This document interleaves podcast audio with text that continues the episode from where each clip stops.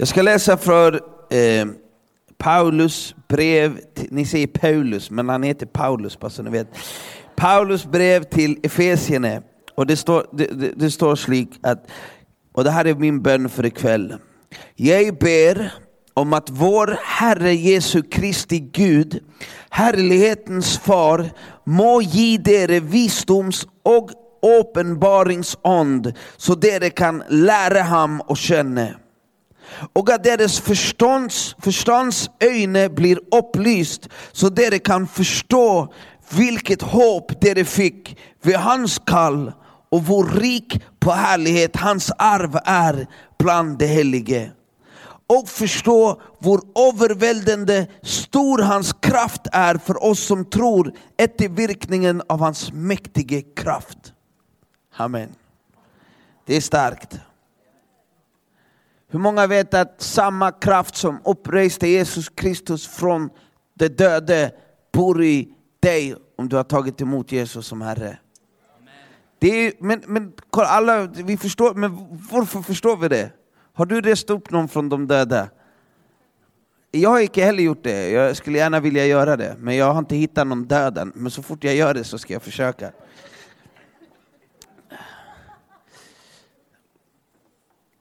Men jag tänker så här, det, vad Paulus pratar om, Paulus gjorde ju det.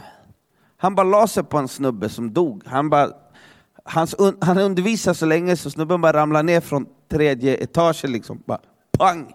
Och så dog han. Det är schysst. Tänk om någon skulle dö när man står och predikar. Men han bara gick och väckte upp honom från de döda.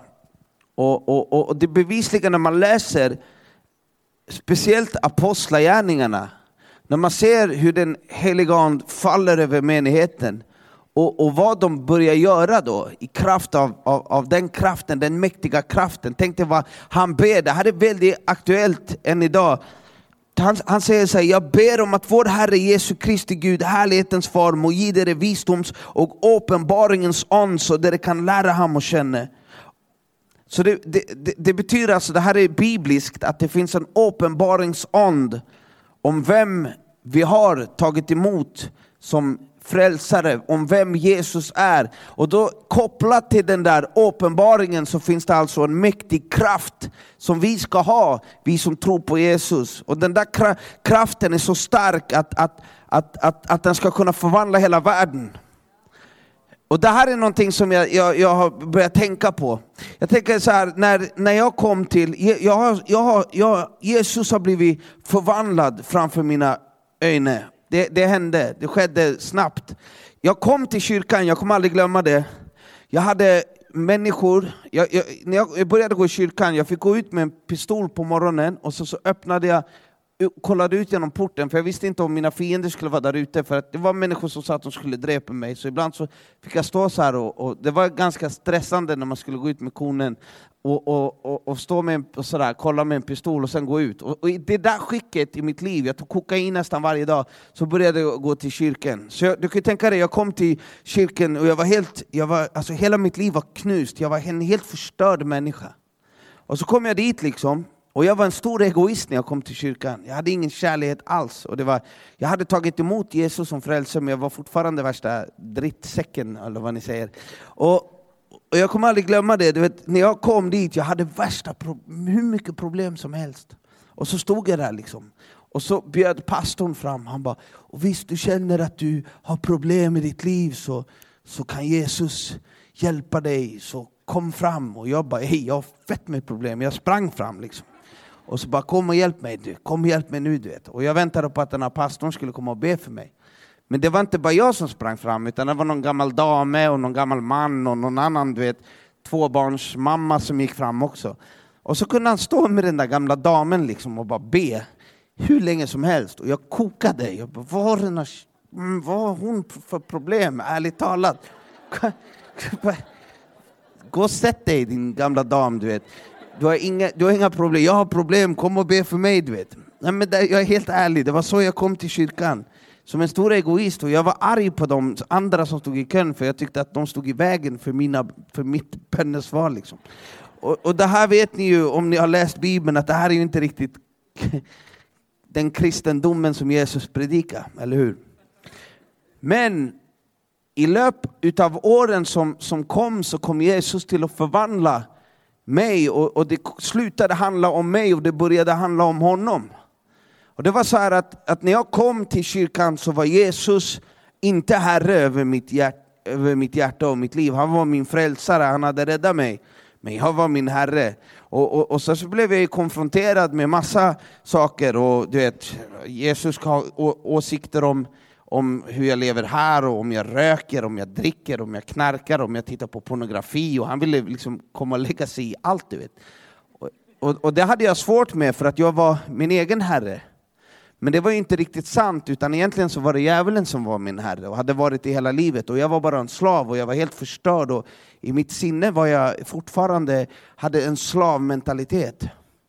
Och, och, och så kom jag till Jesus. Men, men ordet den är så kraftfull, Guds ord, Bibeln, den är enormt kraftfull. Jag, jag sa ju det att jag brukade gå ut med, med, med mitt vapen, liksom sådär. och nu går jag ut med min bibel och den är mycket starkare än vilket vapen som helst. Vet. Och, det här, och, och de här orden som, som talades ut, Guds sanningar över mitt liv, de började bryta ner de här tankefästena och de här tankebyggnaderna som djävulen hade lagt åratal på att lägga in i mitt sinne. Och du vet, de där tankebyggnaderna, det var det som stod i vägen för Guds kraft. Du vet, det är det som bygger otro i våra liv. För att om, om, om du säger så här att jag tänkte ju så här, det, det, kommer aldrig bli bättre. Jag kommer alltid vara alkoholist, jag kommer alltid hålla på med rus, jag kommer alltid vara aggressiv, jag kommer alltid vara full av hat och mitt liv kommer alltid vara vanskligt. Och varför tänkte jag slik? För det att det hade alltid varit så, eller hur? Och det är ju motsatsen mot tro, att tänka att det har alltid varit så, det kommer alltid att vara så. Och, och, jag lärde känna Jesus, men Jesus hade inte blivit uppenbarad för mig än vem han verkligen var. Jag ska gå och läsa en fantastiskt... Kolla, jag bara öppnar Bibeln så hamnar jag här. Jesus. Det är häftigt. Kolla, ser ni? Det är inte ens ett streck här. Amen. Han vill att vi ska höra det här. Okej. Okay. Det står... Eh, i Markus 4, 35 till 41. Och det står så att samma dag, då det var blivit kväll, säger han till dem, låt oss dra över till andra sidan. De förlot folkmängden och tog han med i båten slik han var. Också andra små båtar var med honom.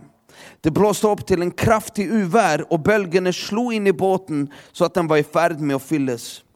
Han låg bak i båten och sov med hodet på en pute. Det väckte han och sa till honom, Mäster, bryr du dig icke om att vi går under? Sådana böner har vi bett allihopa, eller hur? När det känns som att Jesus sover. Och man bara, vart är du någonstans? Jag har problem. Hallå, hallå, bryr du dig inte om att jag håller på att gå under? Då stod han upp, truet vinden och sa till kön, håll fred, var stille. Och vinden la sig och det blev en mäktig stillhet. Men han sa till dem, varför är ni så rädda? Varför har ni icke tro? Då blev de grepet av en stor frykt och sa till varandra, vem kan denne vara, sedan till och med vinden och sjön adlyder ham? Amen. Tänk på det här lite. Hans egna discipler, de de, de spör varandra, vem kan denne vara? Vem kan denne vara? Vem kan denne vara? Vem kan han vara, den här Jesus? Vem är han? Och då tänker man så här, det borde ju ni veta, ni hans discipler, eller hur? Om det är någon som borde veta vem han är så är det ju de. De är ju i båten, de vandrar med honom, de går med honom. På den tiden när du var en rabbi, som en lärare då, så, så, så så den, den, den judiska custom, liksom, det var att man bodde, man sov, man åt och man levde tillsammans med sin rabbi, med sin lärare.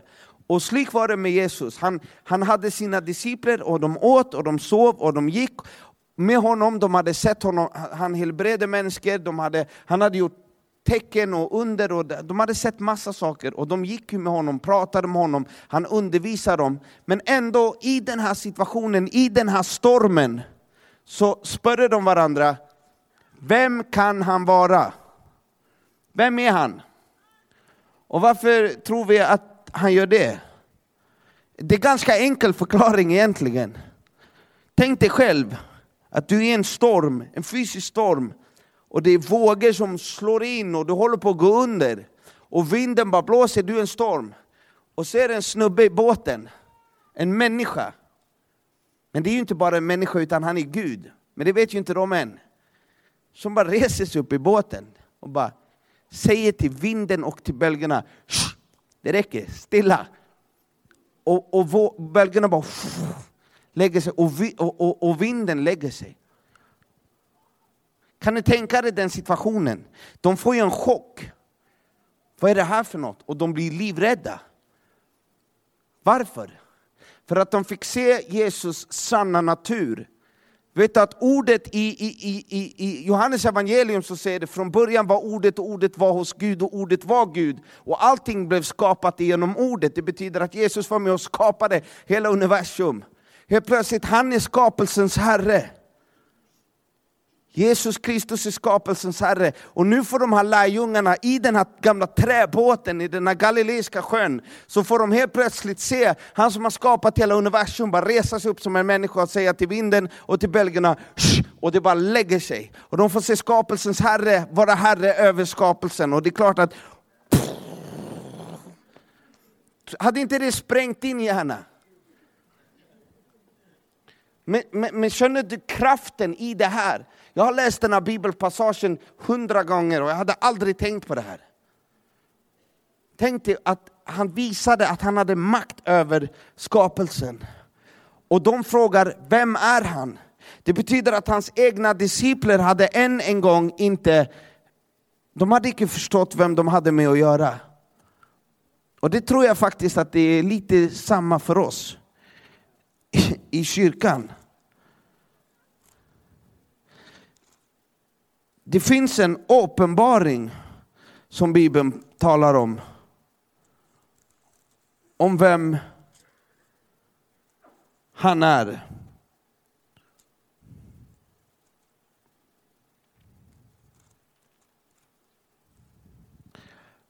Det finns ett annat bibelställe där Bibeln beskriver det här just med uppenbaringen. Och det är i Matteus 11, 25 till 27. Och det står, på den tiden tog Jesus till ordet och sa, jag tackar dig far, himmelen och jordens herre, att du har skjult detta för vise och kloke och uppenbart det för de små. Ja far, för slik var det välbehagligt för dig. Och nu, Allting är övergivet till mig av min far, och ingen känner sonen utan far, heller icke känner någon far utan sonen, och den sonen vill uppenbara han för. Här talar Bibeln igen om en uppenbaring. Om den han vill uppenbara den för. Det betyder att det finns en, en, djupare, en, en djupare uppenbaring om vem vi har med att göra. Vem kan denna vara? Till och med skön bölgerna, vinden adlyder han. Det finns ett annat passage. Om vi går till Matteus 17. Och ursäkta mig att jag läser Bibeln så mycket när jag predikar ordet.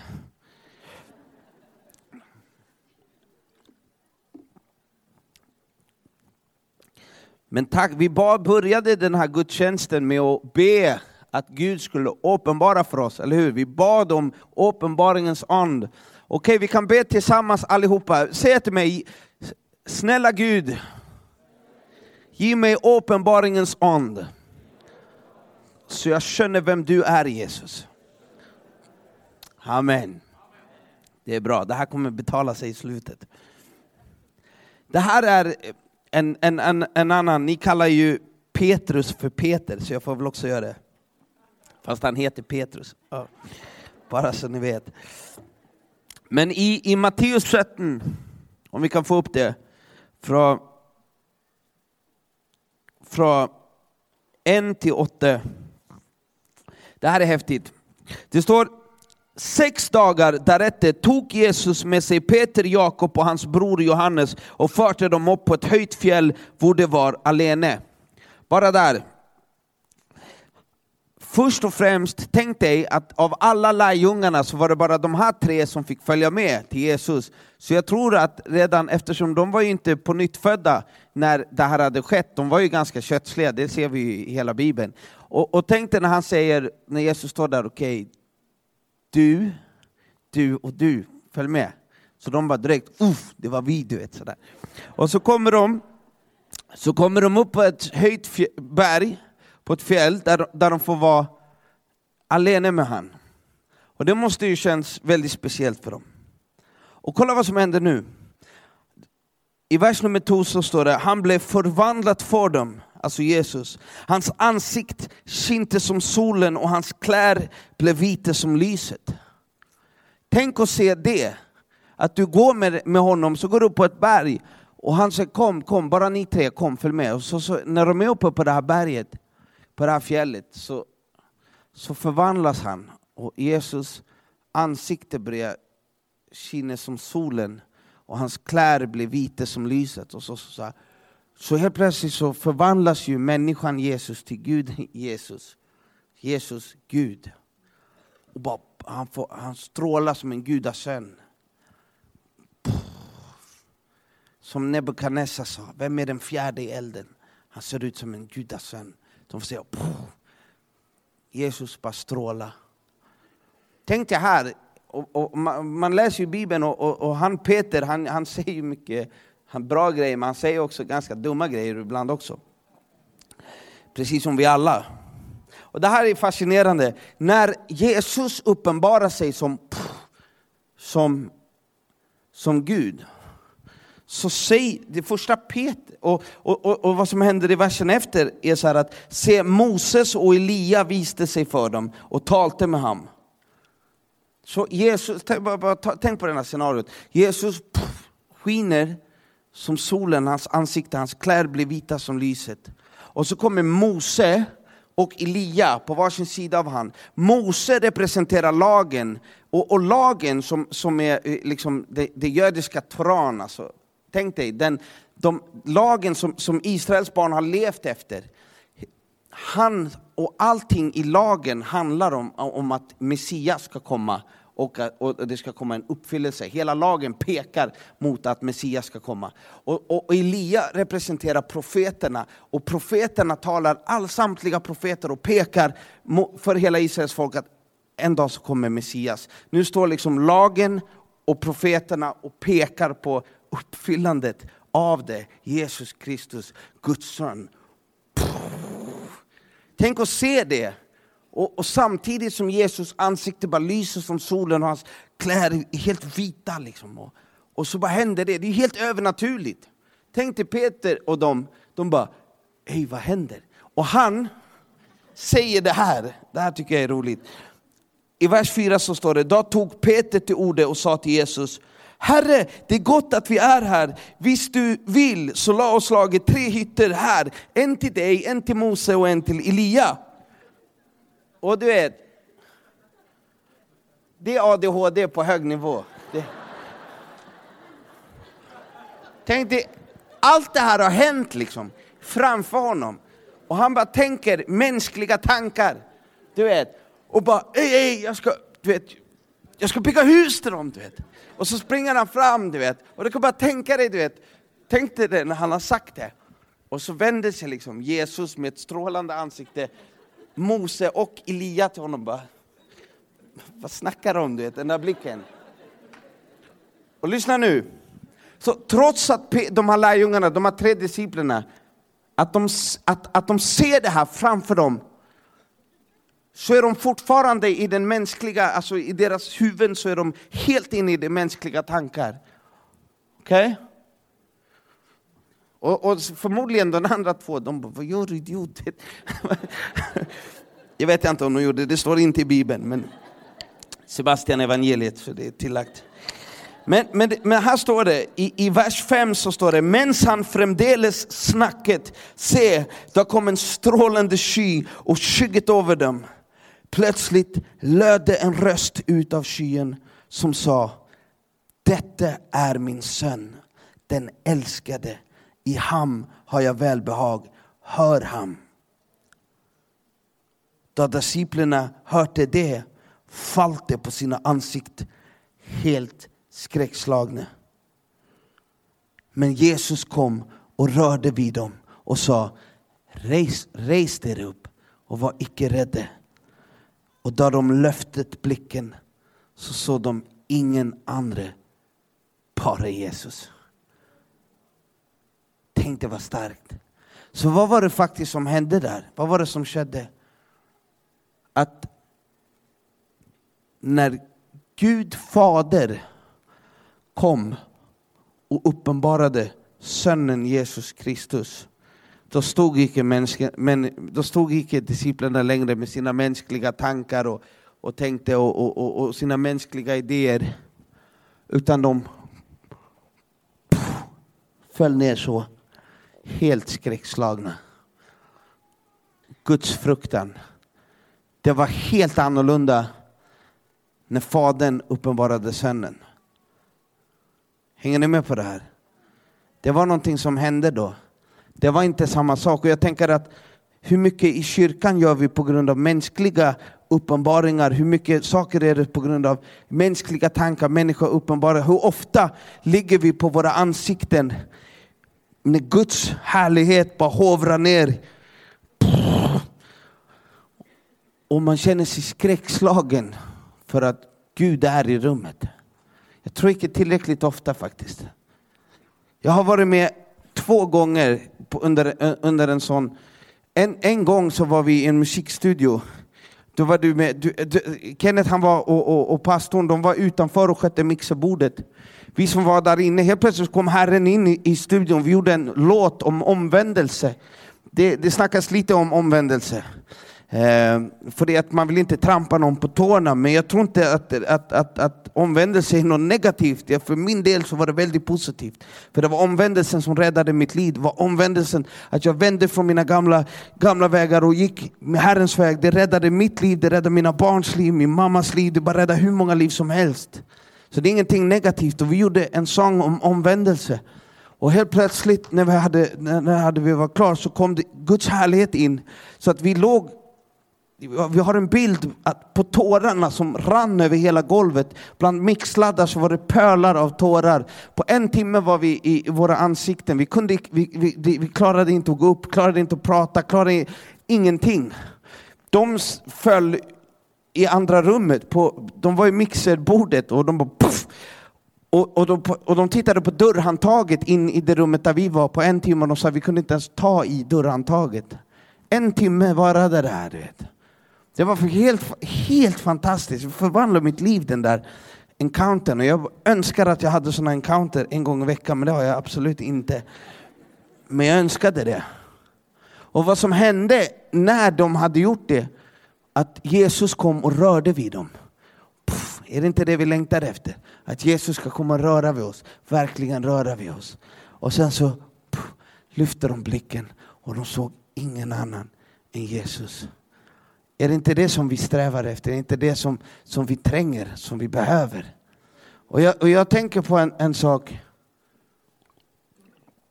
Det finns en väldigt känd historia i Bibeln om, om när, när Jesus sitter så här med, med alla sina lärjungar. Och det har varit, förmodligen så finns det ingen mer spännande plats i hela Israel på den här tiden och var, såklart inte i hela världen, och de var med Jesus mitt i händelsernas centrum. Och de sitter, han sitter där med sina discipler och så spör han dem, vem ser folket att jag är? Vem, vem ser folket att jag är? Och så ser han, så kollar de på varandra, de vill väl inte säga fel. Och så säger de så här att, ja men någon säger att du är Elia, någon säger att du är Johannes döparen, någon säger att du är någon av profeterna. De har lite olika teorier.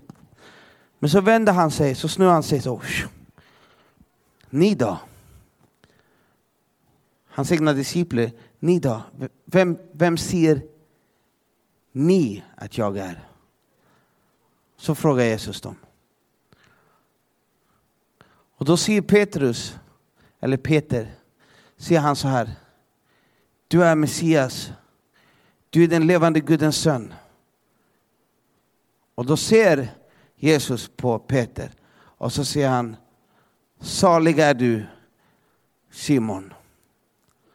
För att kött och blod har icke uppenbarat det här för dig. Utan min far i himlen har uppenbarat det här för dig. Du är Peter. Och på denna klippa så ska jag bygga min menighet. Och helvetets portar ska icke ha någon makt över den.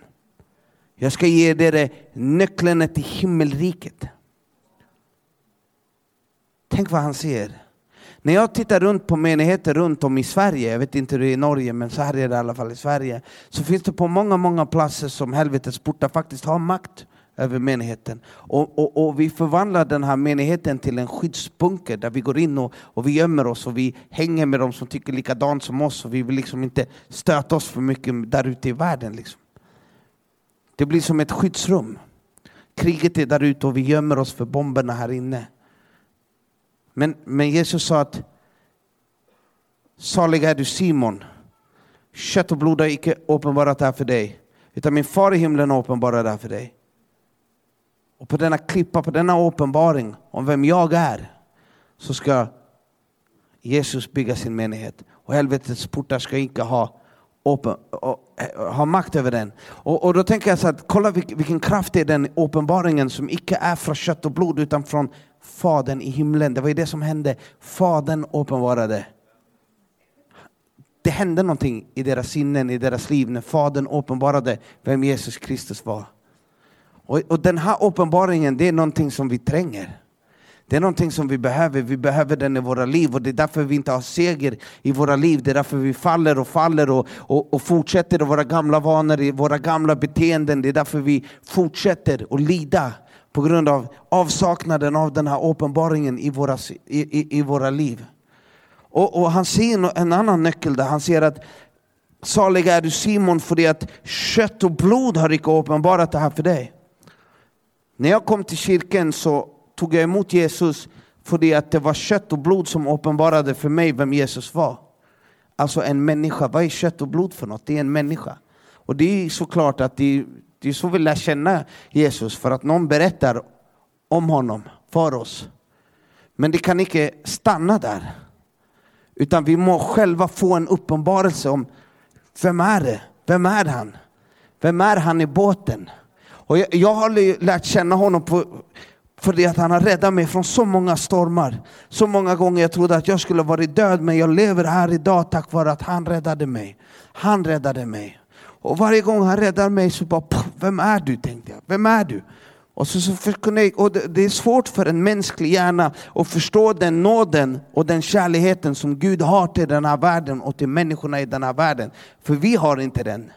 Vi, alltså, vi har inte, vår nåd och vår kärlek det räcker inte ens en uke. Men hans, den varar i evighet. Han älskar världen, han älskar människorna i världen. Så han säger att Kött och blod har icke uppenbarat vem jag är, utan min far i himlen. Och på den uppenbaringen ska han bygga sin menighet och, och helvetets portar ska inte ha makt över det. Så det tänker jag att det här är någonting som vi tränger då, eller hur? Vi tränger en uppenbaring, vi tränger det. Och, och, och, när den här uppenbaringen, när, när, när, när disciplerna börjar vandra, när de, när, när de börjar förstå, de, de, de får ju de får ju möta Jesus, de får möta, och det är så fint med Peter, när, även om han nekar honom, även om han förnekar honom, så, så får han fortfarande möta tillgivelse, kärlek och han har fortfarande en plats vid bordet. Han är fortfarande välkommen, även om han har vänt sig bort ifrån Jesus. Så står Jesus fortfarande med öppna armar och säger kom. Du är inräknad, jag har planer för dig, kom, följ med. Och det händer ju någonting när, när, när de, get, de, de, de, de får ju en revelation. De får ju en uppenbarelse om vem Jesus är. Tänk dig själv, samma kille som förnekade, Peter som förnekade Jesus, och, och, och, och bara en kort tid efter, efteråt när den heliga ande faller över den övre salen och, och, och Peter kommer fram framför de elva och bara sparkar pa, dörren. Jag vet inte om han gjorde det, men jag, det är så jag ser det. Så, pa, så kommer han ut och så prekar han evangeliet om Kristus. Och 3000 människor bara hugger till i deras hjärta och de blir frälsta. Så vad hände? Han fick en uppenbaring om vem han hade att göra med. Och sen gick de ut i en enorm kraft. Och här kan vi hitta en, en, en bra... Här. En bra bild av det. I Apostlagärningarna. För att det var ett helt system som var emot Jesus. Hela det religiösa systemet var emot Jesus. Hela det religiösa systemet emot Gud. När jag går och åker omkring i samfundet i, i, i Sverige och, och, och, och vi har ungdomsfängsel där vi brukar präka. Och, och, statistiken på det ungdomsfängelset i Sverige, det är att 50% av de som sitter i SIS ungdomsfängelse, de är döda innan de fyller 25. Det, är, det här är Sverige. Vi hade 67 mord i Stockholm. På ett år. Alltså det har kaosat, det har gått exploderat. Alltså misären har bara sköljt över som en tsunami i, i, i Sverige. På en av de här fängelseavdelningarna som heter Klockbacka, där de sätter de värsta ungarna, där var det en av 37 som överlevde. En av 37. Men när jag kommer in dit och lägger fram Bibeln, kommer du ihåg det Kenneth? När vi ja, lägger fram Bibeln och, och, och, och, ska, och ska liksom prata om Jesus, då ropar de som jobbar där, ta bort Bibeln, ta bort Bibeln, ta väck Bibeln, du får icke läsa från Bibeln. Det var ju helt dumt gjort av dem, för att de här rebelliska gangsterungarna, de bara, varför får vi inte läsa Bibeln? Vi ska läsa Bibeln. Så funkar det inte. Men, men det finns en, en, en, en, en historia i, i Apostlagärningarna 4 och, från kapitel 13. Där en lam man, en man som har varit skadad och förstörd, alla vet att han är helt förstörd, alla vet att han är lam, alla vet att han inte kan gå, alla vet att han inte fungerar. Ändå den här lama mannen, den här trasiga mannen, blir helad, helt mirakulöst. Och alla pratar om det, vad är det som har skett, vad är det som har skett? Och då hämtar de här religiösa ledarna, samma ledarna som, som korsfäste Jesus Kristus, de hämtar in honom. Och så får de, de här samma, han står ju framför samma ledare där han var så rädd, Peter, innan. Bara för att ens säga jag känner Jesus. Nu står han igen inför Stora rådet, han och Johannes, vad har hänt? Kolla skillnaden. Då det, no, då det så Peter och Johannes frimodighet och skönt att det var människor utan utdannelse och uppläring undrätte sig det kände de igen att de hade varit samman med Jesus. Där är nyckeln. Då de såg mannen som hade blivit frisk stå samman med dem hade de ingenting att se emot. Efter de hade bett dem om att gå ut från rådsalen samtalade de sig emellan och de sa, vad ska vi göra med dessa männen? För det är uppenbart att ett tecken har blivit gjort vid dem och det är tydligt för alla som bor i Jerusalem och vi kan icke nekta det. Men för att detta icke ska sprida sig vidare ut bland folket, la oss nå true dem allvarligt, så att de från nå icke talar mer till någon människa i detta namnet. Så kallade de på dem och befalte att de slätt icke skulle tala eller undervisa i Jesu namn. Det är precis så de säger till oss idag. Det är samma ande som rör sig. Vi får icke undervisa, vi får icke ha Bibeln i skolan.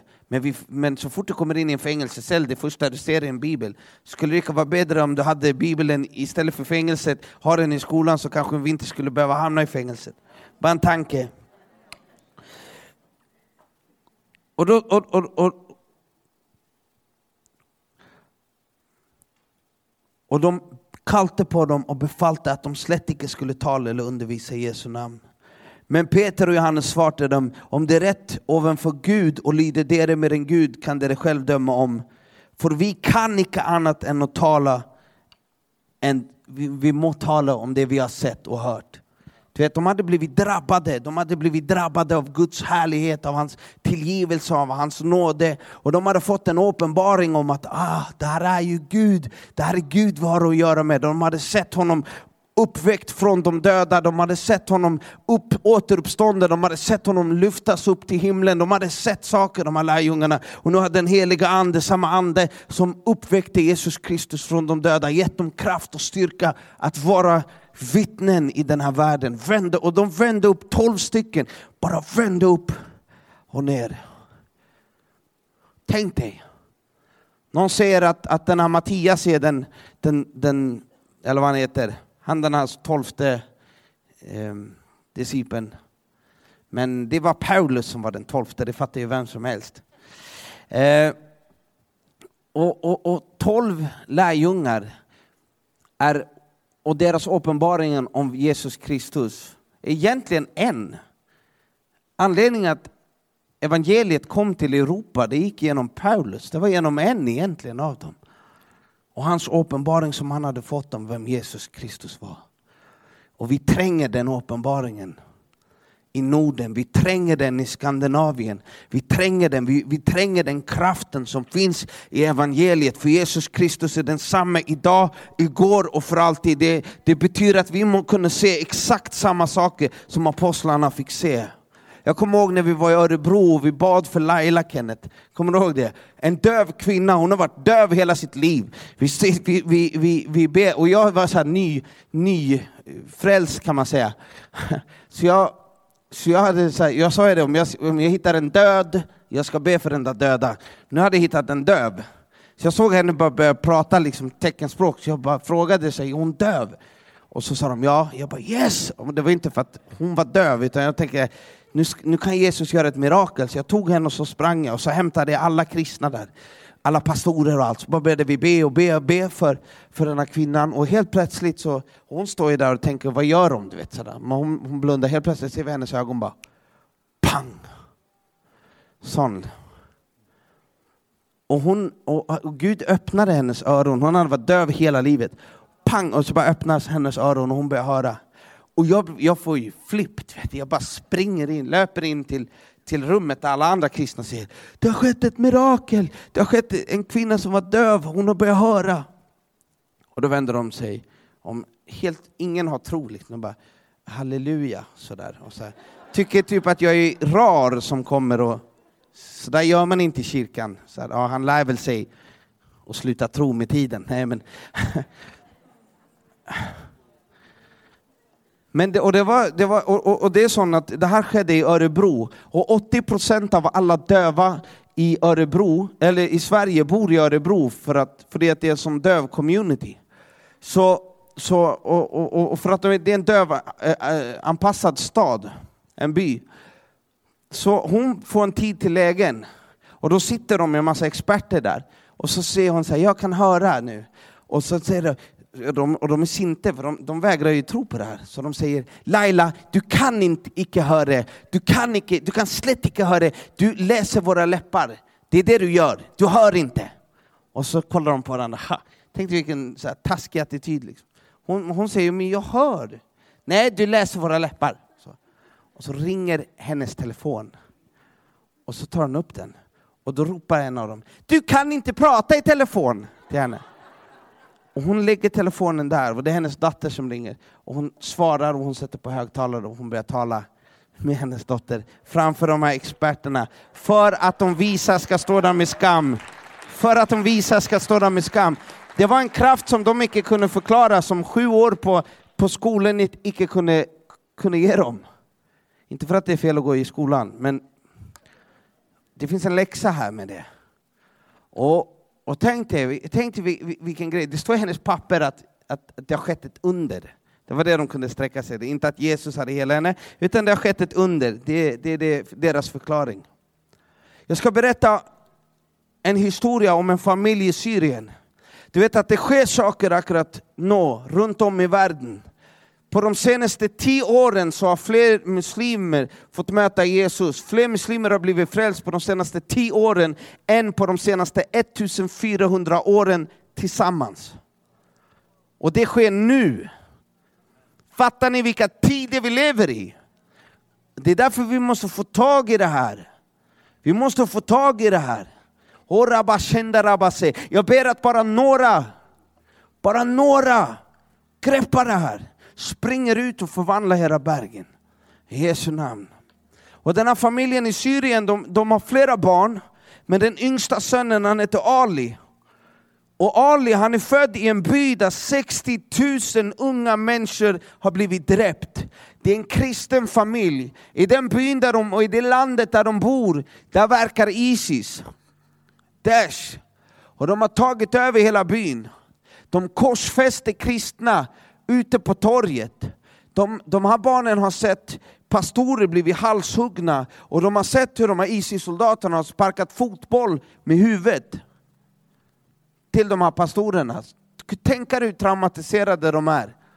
Och de är rädda, och, du vet, och, de, och de har blivit drabbade av sån frykt. Och, och barnen har blivit stora, men det är en, de har fått en liten unge, och han heter Ali. Och Ali han har aldrig snackat. En, en gång, kun en gång, så har han sagt mamma och pappa, men aldrig talat efter det. Aldrig. De har aldrig hört honom säga ett ord.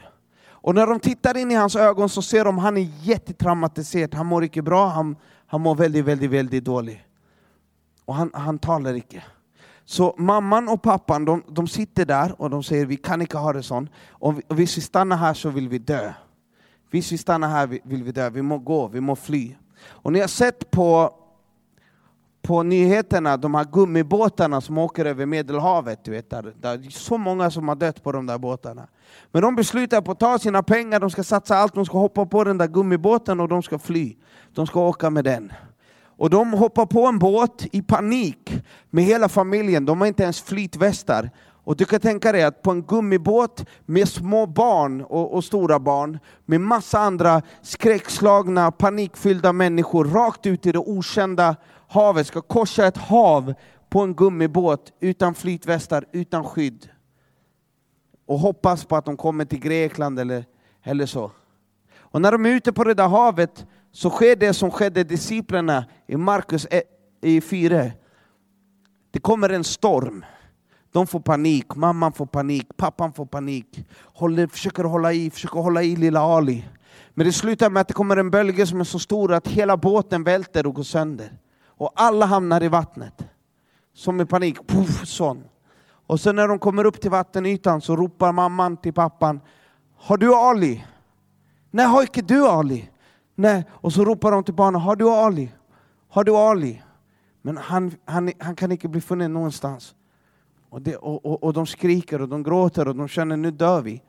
Och de ser, de ligger i vattnet och de gråter och skriker och, och, och en efter en börjar drunkna. Det är ju fler med på båten.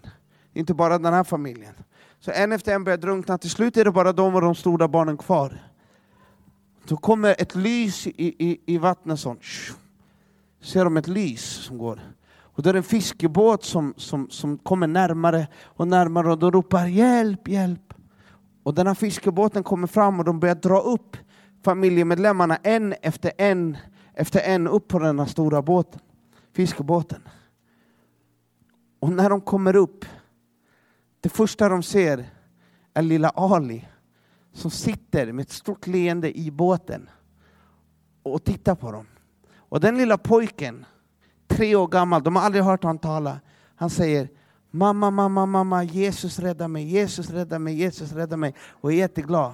Och de här fiskarna i den här båten, de vittnar att det första de ser när de kommer, att de, ser, de åker den båten och så ser de en liten, en liten gutt, tre år gammal, ligga och flyta på rygg i bölgerna med ett stort smil. Och, och du vet att det är ju omöjligt för en, en, en liten treårig gutt att flyta på vattnet, och, och, och, de kan inte svämma. Och den lilla pojken förtalte att, så de räddade upp honom. Och den pojken förtalte att medan han sank så kom Jesus och förde honom upp till ytan. Och så sa Ali, du behöver inte vara rädd, jag ska rädda dig och jag ska rädda din familj. Så de och de här fiskarna, de börjar be. Ja, vi kan ge Jesus en stor applåd. Och de och de här fiskarna, de börjar be på båten och det blir liksom ett, ett väckelsemöte där på båten. Och Guds härlighet är där på båten. Och pappan ser allvarligt, reser sig och så tittar han på sin familj och så säger han så här. Visst, Jesus skyddar oss här ute i stormen så behöver vi inte fly. Då vill han skydda oss i Syrien också. Snu tillbaka båten och släpp av oss i Syrien. Vi ska präka evangeliet för våra landsmän. Amen. Ja.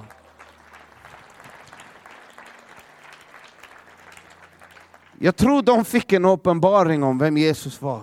Fortsatt i Syrien, de är fortsatt där och de prekar evangeliet. Och till och med farmor till den lille gutten säger att ja, Ali talar fortfarande och han talar lite mycket. Men slik är det runt om i världen akkurat nu. Och jag menar, finns det nöd i Norge? Självklart finns det nöd i Norge. Behöver evangeliet komma ut i Norge? Absolut. Nej, Jesus uppenbar jag har fått en pytteliten uppenbaring om vem han är, jag vill ha mycket, mycket, mycket mer.